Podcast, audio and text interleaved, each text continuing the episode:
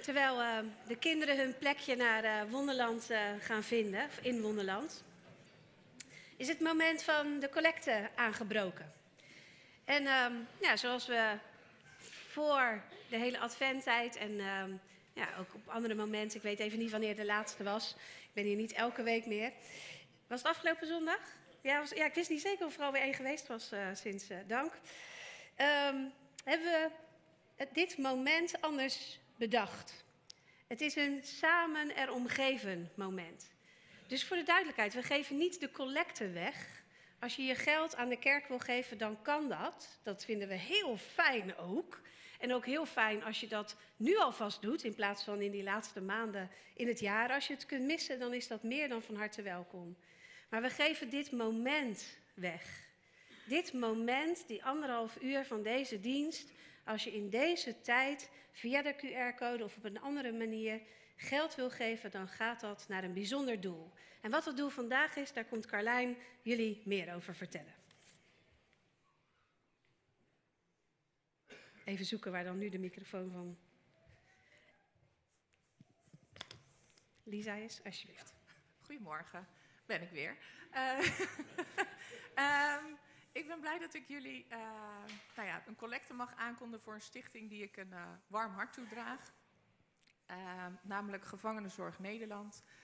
wat sommigen misschien van jullie wel gehoord hebben vorig jaar, had ik een podcast. En toen heb ik verteld dat ik al jaren vrijwilliger was voor Gevangenenzorg Nederland. Um, en dat ik toen aan de slag kon als betaalde kracht. Um, nou, inmiddels heb ik er weer bewust voor gekozen om vrijwilliger te worden. En um, Gevangenzorg Nederland is een organisatie die zich inzet voor uh, gevangenen en hun uh, familie. En die gelooft in um, herstel en een nieuwe kans voor, uh, voor iedereen. En dat doen ze doordat ruim 600 vrijwilligers um, steun bieden aan gevangenen door hen te bezoeken en luisterend oor te bieden. En nou ja, pas zei een van die gevangenen nog tegen mij, weet je Carlijn, ik heb hier fysiek gezien, heb ik het hier goed. Hè? Ik heb een kamer, cel. Um, ik heb eten, uh, maar mentaal gezien is het hier zwaar. Uh, want je hebt niemand om mee te praten. En Gevangenenzorg Nederland weet dat praten heel belangrijk kan zijn voor herstel. Als wij niet lekker in ons vel zitten zelf, dan vinden we het ook fijn als we dat met iemand uh, kunnen bespreken. Maar in een gevangenis waar een macho-cultuur heerst, ga je niet met je afdelingsgenoten bespreken dat je je rot voelt of dat je uh, nou, nog vaak terugdenkt aan wat er is gebeurd of wat je hebt gedaan en dat je misschien wel uh, spijt hebt. Um, daarnaast bestaat er een groot wantrouwen tegenover justitie en ben je bang dat alles wat je zegt uh, tegen je gebruikt kan worden. Nou, een vrijwilliger die losstaat van justitie kan die vertrouwenspersoon wel zijn, die kan dat luisterende oor bieden zonder daar een oordeel over te geven. En ik geef zelf regelmatig cursussen Uh, waarin we ook uh, nou ja, kijken wat zijn bijvoorbeeld de gevolgen voor het slachtoffer. We proberen ze inzicht te geven, maar we proberen ze die weken ook een plek te geven uh, waar ze hun verhaal vrij kunnen doen zonder dat daar een oordeel over gegeven wordt. Um, Gevangenenzorg Nederland is afhankelijk van subsidies en giften um, om al die vrijwilligers ook op te leiden en te begeleiden, want dat wordt gedaan door betaalde krachten. En um, nou ja, ik denk dat jullie wel merken dat ik uh, de collecte van harte bij jullie uh, kan aanbevelen. En uh, ik wil jullie alvast heel erg bedanken voor jullie steun. Dankjewel.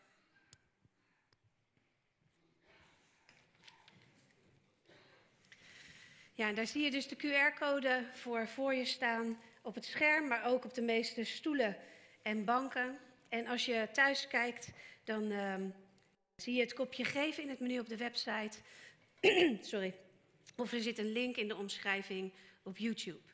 Dus uh, inderdaad, van harte aanbevolen. Ik zat zo even vooruitkijken, ik weet niet of Carlijn de deur al uit is, maar... Uh, oh, daar. Ja, dat stond volgens... Ik vond dat zo mooi, hè? In, in het stukje wat ik erover las, stond... De laatste woorden van Jezus waren voor een gevangene. Zoiets, hè? Ja, dat vond ik zo mooi om dat te realiseren. De laatste woorden van Jezus of de laatste genade die hij gaf, waren voor een gevangene. Dus, uh, en John Wesley, de uh, grondlegger van onze theologie, deed veel in de gevangenenzorg. Dus inderdaad, van harte bij jullie aanbevolen. Ja, en heb ik heel uh, die collecte al gehad en dan denk ik, oh ja, ik heb jullie nog helemaal niet de beste wensen gewenst. Dus uh, 14 januari, waarom niet? Gelukkig nieuwjaar. Uh, de meeste van ons hebben elkaar nog helemaal niet uh, persoonlijk gezien of gesproken. En uh, waarom zou het op 14 januari niet mogen, toch? Als ik het in juni wil doen, vinden jullie het vast ook niet erg. Dus ehm, de beste wensen. Ik hoop dat jullie jaar goed begonnen is, maar ik besef dat dat ook natuurlijk niet voor ieder van jullie zo is. En in het klein, echt geen groot leed, maar was dat voor mij ook niet zo. Eigenlijk sinds kerstavond, dat heerlijke evenement hier, ben ik wat aan het worstelen met uh, luchtweginfecties. Dus als ik nog wat moet hoesten vandaag of wat hezig klinkt, dan ligt het daaraan. En ik vertel dat niet om zielig te doen of om straks allemaal jullie beterschapswensen of zo uh, te krijgen. Wel leuk, maar niet belangrijk. niet voor dit onderwerp in ieder geval. Maar omdat het me met de neus op feiten drukte waar ik de laatste tijd uh, me van weggekeerd had. Het waren drukke maanden geweest, de laatste maanden van het jaar. En dan merk ik, hoewel, nou ja, ik er denk ik verder in ben dan twintig jaar geleden, maar ik merk dat ik het heel lastig vind om rustig aan te doen. Ik weet niet of je dat kent of herkent, maar rustig aandoen vind ik echt lastig. En, en als je lijf dan wat, uh, nou ja, signalen aan het geven is dat dat misschien wel een beter idee is, wordt het niet minder lastig. Blijf ik dat echt moeilijk vinden. Dus ik wilde al veel te snel weer veel doen en, en nou ja, de laatste weken werkte dat nogal averechts. En ik zat in een preekvoorbereiding voor vandaag. Ik wilde eigenlijk echt heel iets anders doen, maar ik kwam er ook niet uit. En dat hielp ook allemaal niet. Ik werd daar niet rustiger van. Dus doordat ik steeds tegen die moeite met rust nemen aanliep, kwam er op een dag zo'n een tekst in mijn hoofd terug waar ik tijdens mijn studie ooit eens uh, me in had moeten verdiepen. En die heb ik erbij gepakt. En, en hoewel dat niet helemaal leidde naar waar ik had verwacht, misschien gehoopt, weet ik niet, of gevreesd, maar werd het wel een preek. Een hele andere dus dan ik van plan werd. En of het een goed is, mogen jullie straks bepalen. Maar ik had er wel wat aan. En, en um, ik hoop jullie dus ook. De tekst komt uit het Oude Testament en is een tekst van, uh, uh, van de profeet Jezaja. En, en die spreekt over een tijd dat het koninkrijk van God aanbreekt. Nee, het is geen deel van de serie van Dennis. Um, maar het gaat er wel over. Dus over als Jezus in de wereld zal komen. En kort daarvoor spreekt Jezaja ook over die tijd, over Jezus, over de leidende krecht in hoofdstuk 53.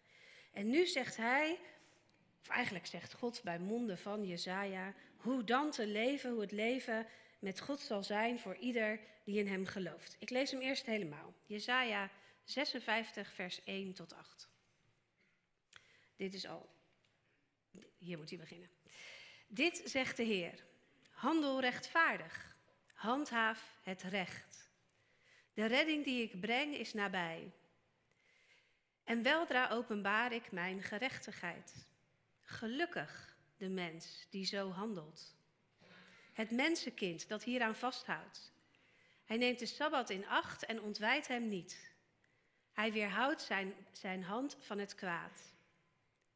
De vreemdeling die zich met de Heer heeft verbonden, laat hij niet zeggen: De Heer zondert mij zeker af van zijn volk. En laat de eunig niet zeggen: Ik ben maar een dorre boom. Want dit zegt de Heer: De eunig die mijn sabbat in acht neemt, die keuzes maakt naar mijn wil, die vasthoudt aan mijn verbond, hem geef ik iets beters dan zonen en dochters. Een gedenkteken en een naam in mijn tempel en binnen de muren van mijn stad. Ik geef hem een eeuwige naam, een naam die onvergankelijk is. En de vreemdeling die zich met de Heer heeft verbonden om hem te dienen en zijn naam lief te hebben, om dienaar van de Heer te zijn, ieder die de Sabbat in acht neemt en niet ontwijdt, ieder die vasthoudt aan mijn verbond, hem breng ik naar mijn heilige berg. Hem schenk ik vreugde in mijn huis van gebed. Zijn offers zijn welkom op mijn altaar. Even verder, sorry. Mijn tempel zal heten huis van gebed voor alle volken. Zo spreekt de Heer. Die bijeenbrengt wie uit Israël verdreven waren. Ik breng er nog meer bijeen dan al bijeengebracht zijn. De tekst bestaat eigenlijk uit drie stukken. een, een belofte, een bemoediging en een opdracht. En de eerste versen geven dat meteen al weg. Ik doe hem meteen zo, want er was één dia weggevallen, kwamen we vanochtend achter. Ik hoop dat die rode leesbaar is. Maar het begint eigenlijk met het gele. De belofte van Gods redding die nabij is. Dat de gerechtigheid geopenbaard zal worden. Dus dat betekent dat God de, de wereld zal herstellen. Dat is waar gerechtigheid over gaat in de Bijbel. Dat alles weer zal zijn zoals God het bedoeld heeft. Het gaat niet alleen over wetmatig het, het, het rechtsstelsel of zo. Het gaat over het herstel van de wereld. Dat alles wat verkeerd was, weer goed gemaakt wordt door God. En de opdracht in het rood is handel rechtvaardig, handhaaf het recht. Dus ook wij hebben daar een taak in te doen. Wij hebben dat te doen wat God wil, wat bijdraagt aan het herstel van de wereld. En dan in het groen de bemoediging. Gelukkig de mens die zo handelt, die rechtvaardig is. Dat is in het kort eigenlijk de hele boodschap die Jezaja ons in dit hoofdstuk wil vertellen. Maar daar ga ik het natuurlijk niet bij laten. Mijn eerste vraagteken popte op bij hou het recht, doe gerechtigheid, dan ben je gelukkig. Want kun je gelukkig worden door recht te doen? Gelukkig echt, hè? Ik snap wel dat het een fijn gevoel kan geven. Maar eerlijk, dat is niet altijd zo. Het goede doen is lang niet altijd makkelijk. Dat kost je nogal eens wat. En, en, natuurlijk, diep van binnen besef je dan dat het het goede is. En dat geeft, als, hoop ik, een, een fijn en voldaan gevoel. Maar is dat automatisch gelukkig? En, en kun je geluk zijn dan een soort verdienen door, door dat goede te doen? Bedoelt hij dat? Is, dat? is dat wat God zegt of wat Jezaja zegt? Nou, in ieder geval niet meteen zoals het lijkt. Dat lijkt me helder. Het, het zijn onze westerse gedachten, onze westerse oren die het kunnen horen als een soort verdienmodel. Doe maar genoeg recht, dan word je gelukkig. Of verdien je het geluk. Maar dat is niet hoe Jezaja het bedoelt. Veel meer zegt hij, als je dat doet, dan ben je het. Als een soort automatisch gevolg. Het, het hoort bij elkaar. Een logisch gevolg. De redding en de rechtvaardigheid komt van God. Dat staat er ook. Het begint bij Hem. Oftewel, ons rechtvaardig handelen is een antwoord op Zijn belofte. Op de hoop op Zijn redding en Zijn ultieme gerechtigheid. God roept ons op het goede te doen en hij vindt ook ongetwijfeld dat we het eigenlijk wel zouden moeten doen. Maar niet om straf te vermijden of om geluk te verdienen, maar als antwoord op zijn liefde en genade, op zijn redding. In het volgende stukje, daarin staat dat ieder die zich verbonden heeft met God, de vreemdeling die zich verbonden heeft met God, die de Sabbat onderhoudt en, en, en in acht neemt, die het niet ontwijdt, die geen kwaad doet, de vreemdeling en de eunuch, iedereen die zal beloond worden met iets beters dan zonen en dochters. In die zin valt er misschien wel wat te vertrouwen, maar dan moeten we wel eerst de voorwaarden goed begrijpen. In het Oude Testament heeft God in eerste instantie dat volk uitgekozen. Die verhalen ken je waarschijnlijk. Het heeft, God heeft ze een soort afgezonderd. Gezegd, jullie zijn mijn volk en ik verbind me met jullie. En door zijn heil, of door hen zal zijn heil, zijn redding in de wereld komen. Daar heeft dat volk een bijzondere plek in. En dat weet elke Joodse luisteraar van Jezaja. Zij zijn het volk, daarom moeten zij ook recht handhaven, recht doen. Want zij zijn het volk voor wie en door wie God aan het werk is in de wereld. En de Joodse luisteraar weet ook dat in de oude wetten van Mozes staat dat vreemdelingen er niet bij horen. En zeker geen plek hebben in een eredienst. Ze mogen zeker geen offers brengen op het altaar. Ze mogen er niet eens bij zijn. En dat geldt ook voor eunigs. Dat zijn gecastreerde mannen, meestal uh, uh, onvrijwillig, soms vrijwillig als een offer aan de goden, soms omdat ze in, uh, bij vrouwen werkten en de, de man van die vrouwen wilde dat die mannen niks konden doen. En die verminking werd door de wet veroordeeld. En ook die mannen mochten niet bij het altaar komen, hoorden er niet bij, hadden geen plaats in de eredienst en moesten buitenstaanders blijven. Dat stond en staat in de wet van God, ook zoals wij hem nu nog gewoon hebben. Maar wat wij wet noemen, en ik denk dat de meesten van jullie het ook niet zo zien, is geen wetgeving in de moderne zin van het woord. Het is instructie of, of leer. En, en ik besef dat het lang niet altijd zo gezien wordt, maar die wet staat duidelijk minder vast dan wij geneigd zijn, of dat sommige mensen geneigd zijn te denken. Niet zelden wordt de wet, meestal bij monden van een profeet in het Oude Testament, anders geïnterpreteerd of zelfs echt herzien, zoals hier. Ook Jezus en Paulus zeggen het regelmatig, de diepere betekenis van de wet. Dat is waar het echt, echt over gaat.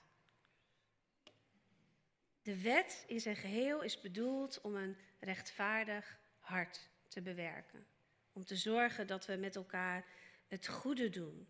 En dat verandert hier niet. God vertelt dat iedereen, iedereen van zijn eigen volk, maar ook de vreemdeling en ook de eunuch, welke buitenstaander dan ook, wie je ook bent, wat je ook gedaan hebt, als je je verbindt aan God, als je de Sabbat houdt, dan ben je meer dan welkom bij het altaar om je offers te brengen en Hem te aanbidden. Dat is dus niet pas sinds Jezus zo of zo. Ergens hebben, heeft het Joodse volk deze tekst gemist, denk ik wel eens. Want ook na Jezaja bleven zij het afgezonderde volk waar niemand bij mocht, waar de vreemdelingen en de euners niet in de tempel dicht bij het altaar mochten komen. Dat was uniek aan de, aan de vroege christelijke kerk, maar Jezaja zegt echt wat anders. Het is eigenlijk een soort wetswijziging, zou je kunnen zeggen. En die is natuurlijk ook goed nieuws voor ons. Want anders, als je een Joodse achter, geen Joodse achtergrond zou hebben, zouden wij hier ook niet zitten. Althans niet op basis van de regels van het Oude Testament. En, en je hebt het al een paar keer horen vallen. In het bijzonder is er in deze passage aandacht voor het houden van de Sabbat. Een rustdag per week betekent dat eigenlijk. En dat is natuurlijk waarom ik aan deze tekst dacht in de tijd dat ik het wat moeilijk heb om rustig aan te doen. En nu zou je kunnen zeggen, natuurlijk, dat het onderhouden van de Sabbat hier gewoon als een soort voorbeeld gegeven wordt. Van het onderhouden van het verbond, doen wat goed is. Maar ik denk dat je je er dan toch net iets te makkelijk van afmaakt. Even voor de beeldvorming. Onderhoudt iemand de Sabbat? Van jullie? Handen? Ik mag die van mij helemaal niet omhoog doen. Een enkeling. Want ik niet zeg ik er meteen bij. Heel, ik verwachtte dat ook niet anders, eerlijkheidshalve. Want het voelt toch een beetje outdated of zo. Achterhaald.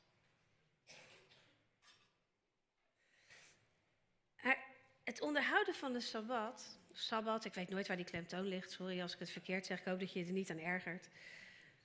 Maar misschien weet je wel dat het een van de tien geboden is. Daar denken we niet zoveel aan, want we hebben hem een soort een beetje onder de mat geschoven. Maar het is het wel. Over het algemeen zijn dat nogal vanzelfsprekende regels, die tien geboden. De, de, een beetje de spelregels voor christenen, denk ik wel eens. Niet stelen, niet liegen, je ouders eren. Kan soms ingewikkeld zijn, besef ik. Geen moord plegen, God liefhebben, geen afgoden hebben. Een beetje de basis. En los van of dan elk van die geboden even gemakkelijk te onderhouden is als de ander, vergelijk moorden is met liegen. Maar je eraan houden is wel een beetje het idee, toch? Van wat, wat we met elkaar afspreken. Misschien niet eens eigenlijk als christenen, maar gewoon als mensen onder elkaar. Hopen we in ieder geval. Het is de afspraak, zou je zeggen. En dat, dat, dat is haast vanzelfsprekend. Maar als dat haast vanzelfsprekend is, waarom is die Sabbat dat dan niet? Want die staat op vier. Ik weet niet of het een top 10 is, van, van belangrijkheid, dat geloof ik niet. Maar, maar hij staat op vier. Voor de slimmers onder jullie die nu denken dat Jezus zegt dat de wet nu vervuld is, dat dat niet meer hoeft, dat we de details misschien niet meer serieus hoeven nemen. Er zit iets in, hè? Jezus vat de hele wet samen in, in liefde voor God, jezelf en je anderen. Dus als je dat doet, is het goed. Maar als je echt tot die slimmers behoort, weet je ook dat Jezus ergens anders zegt. Dat hij niet gekomen is om de wet op te heffen. Hij maakt keer op keer vooral duidelijk dat het houden van de wet een soort logisch gevolg is van dat liefdesgebod. En dat de liefde mag winnen van de geboden, als het geen liefde bewerkt. Dat klopt zeker. En Jezus geeft zeker ook ergens een, een, een, sneer dat er omstandigheden zijn waarop je dus op de Sabbat toch meer mag doen dan die schriftgeleerden zeggen of denken. Klopt ook, want de liefde mag winnen. Maar ook daarmee stelt hij de wet niet werkelijk buiten werking. We willen de tien geboden niet zomaar wegwuiven. Zo zijn die woorden van Jezus niet bedoeld en dat brengt ons dan toch bij nummer vier. En eerlijk, ik had nooit zo serieus nagedacht over de Sabbat. Natuurlijk is het goed om uit te rusten en, en grenzen aan te geven. We hebben het altijd maar druk.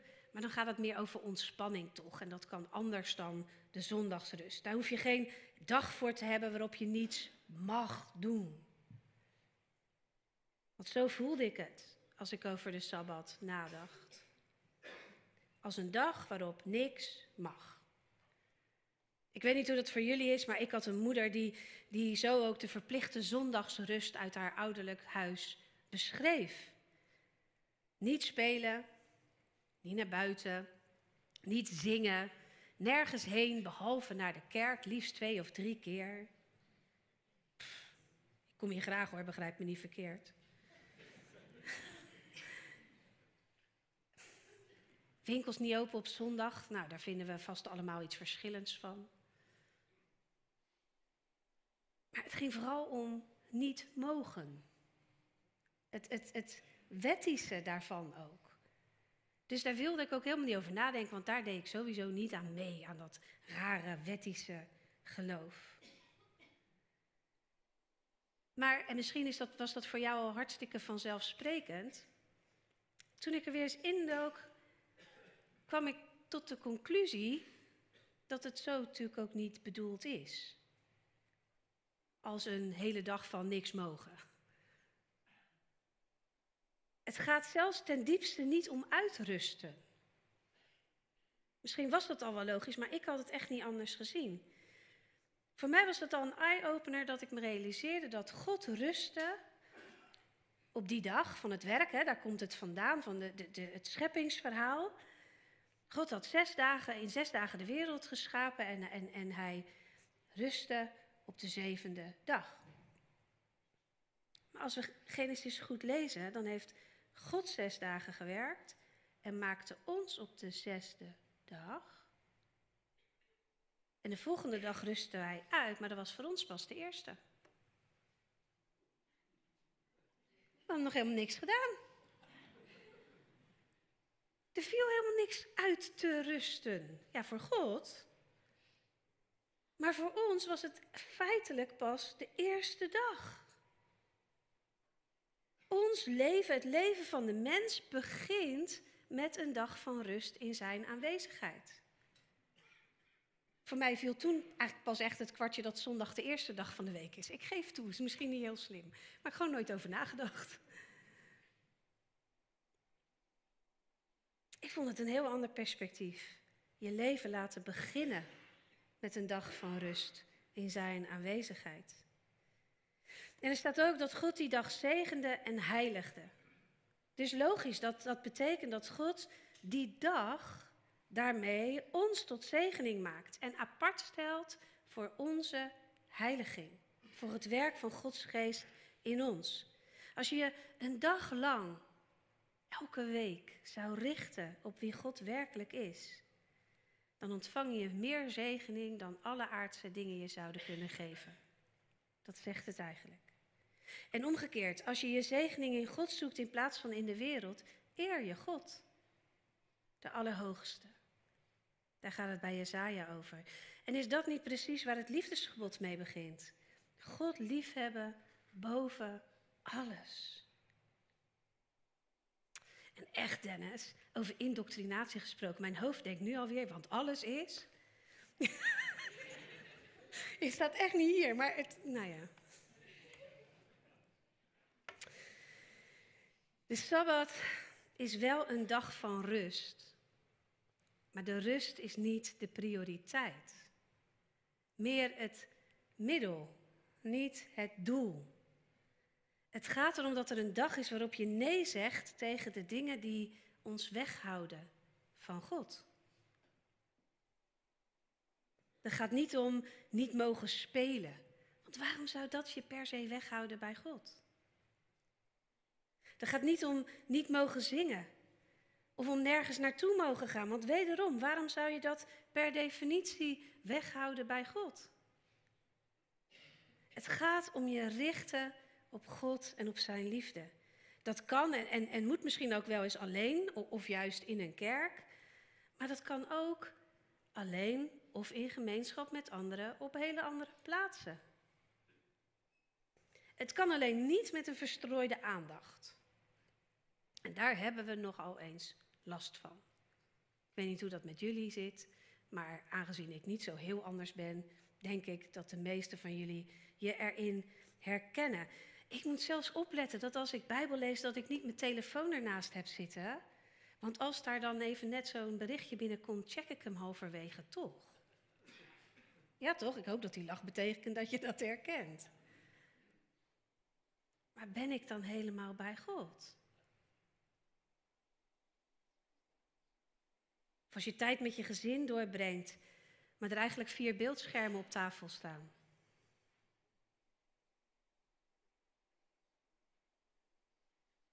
Het is wel misschien voor iedereen anders. Ik bedoel, als je heel erg van sport houdt en, en, je gaat samen met iemand anders sporten, dan is je aandacht waarschijnlijk niet op God, gok ik, gemiddeld. Maar als je alleen gaat of je gaat samen met iemand wandelen en je richt je daarin op God en, en, of op de liefde voor elkaar, dat hoort toch ook bij dat liefdesgebod, dan is dat prima. Of zelfs hardlopen of fietsen terwijl je je bewust bent, om je heen kijkt en geniet van Gods schepping en daar zijn aanwezigheid in ziet en voelt. Wat kan ons dat raken en opbouwen?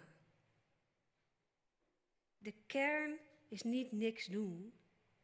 De kern is nee zeggen tegen alles wat ons weghoudt van God en ons in alle rust richten op Hem, zodat Hij in ons kan werken. Dat is wat heiliging ook ten diepste is. Ons beschikbaar stellen voor het werk van de Heilige Geest in en door ons. Die geest hebben we nodig, want anders is het gebod houden al moeilijk genoeg.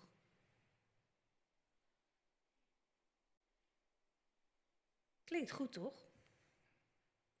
Rust, in alle rust, tijd nemen, waar dan ook, zonder dwang, zonder niks mogen of iets moeten.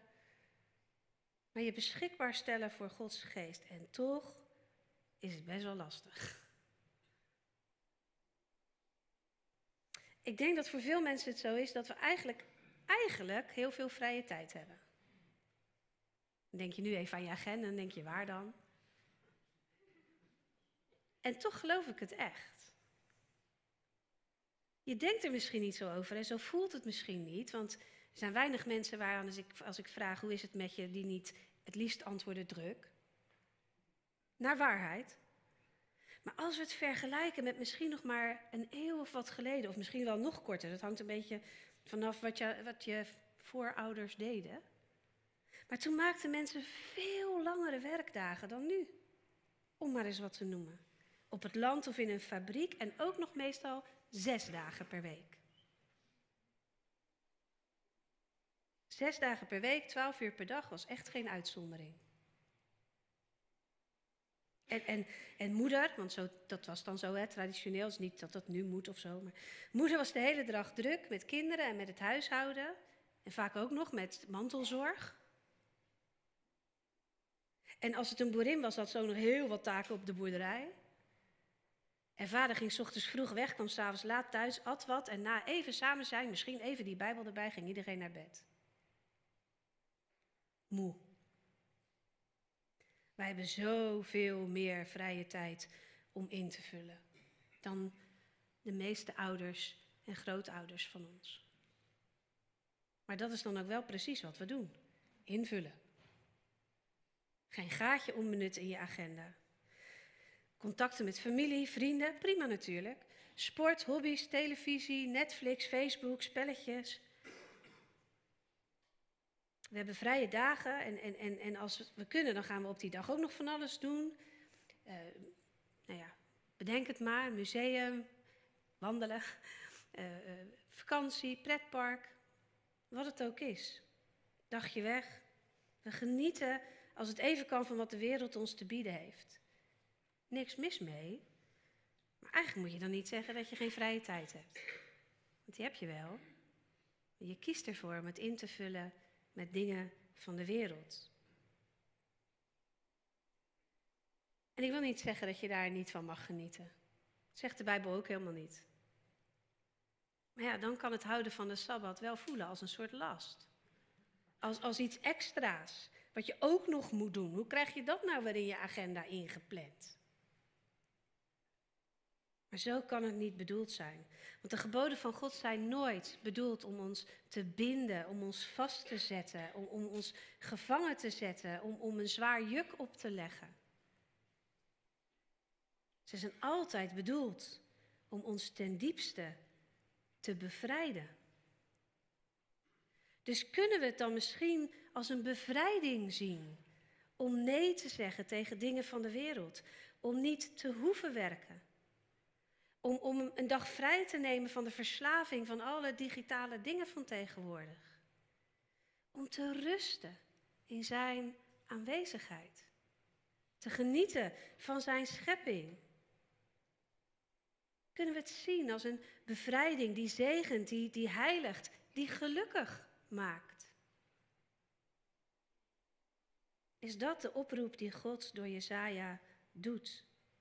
De opdracht die een bemoediging en belofte tegelijk in zich draagt. Rust en tijd nemen om ons te verbinden met God, zodat Hij de rust en de ruimte krijgt om in en door ons te werken.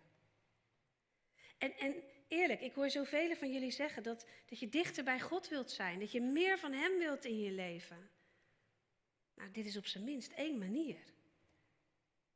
En vast een goede, want het was nummer vier.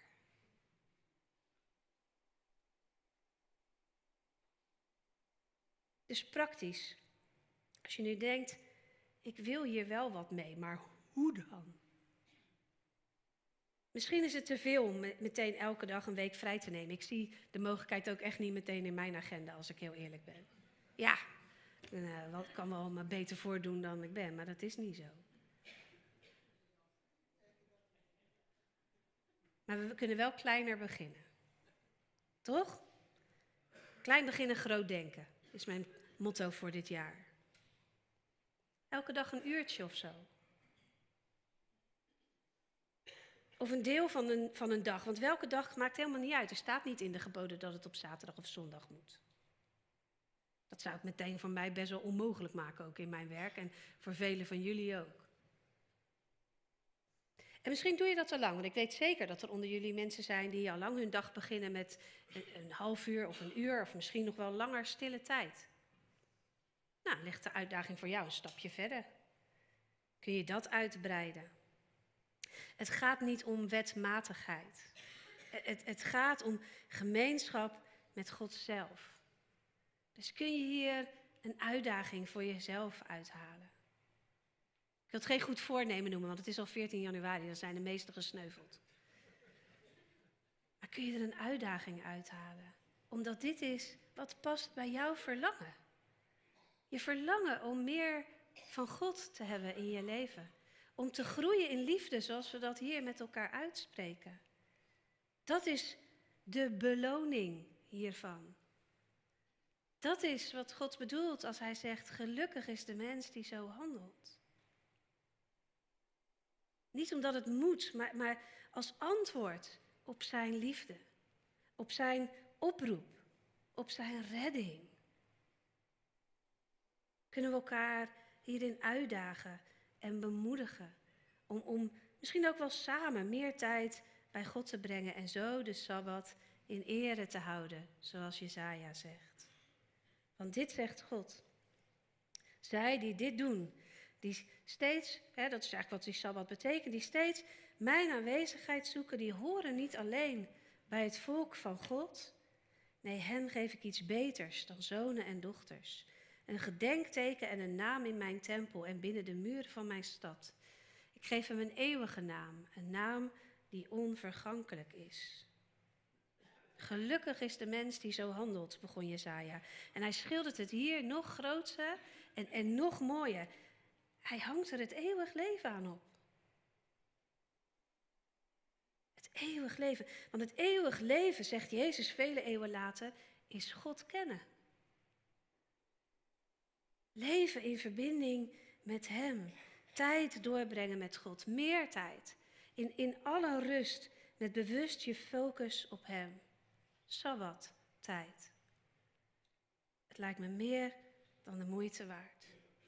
Amen.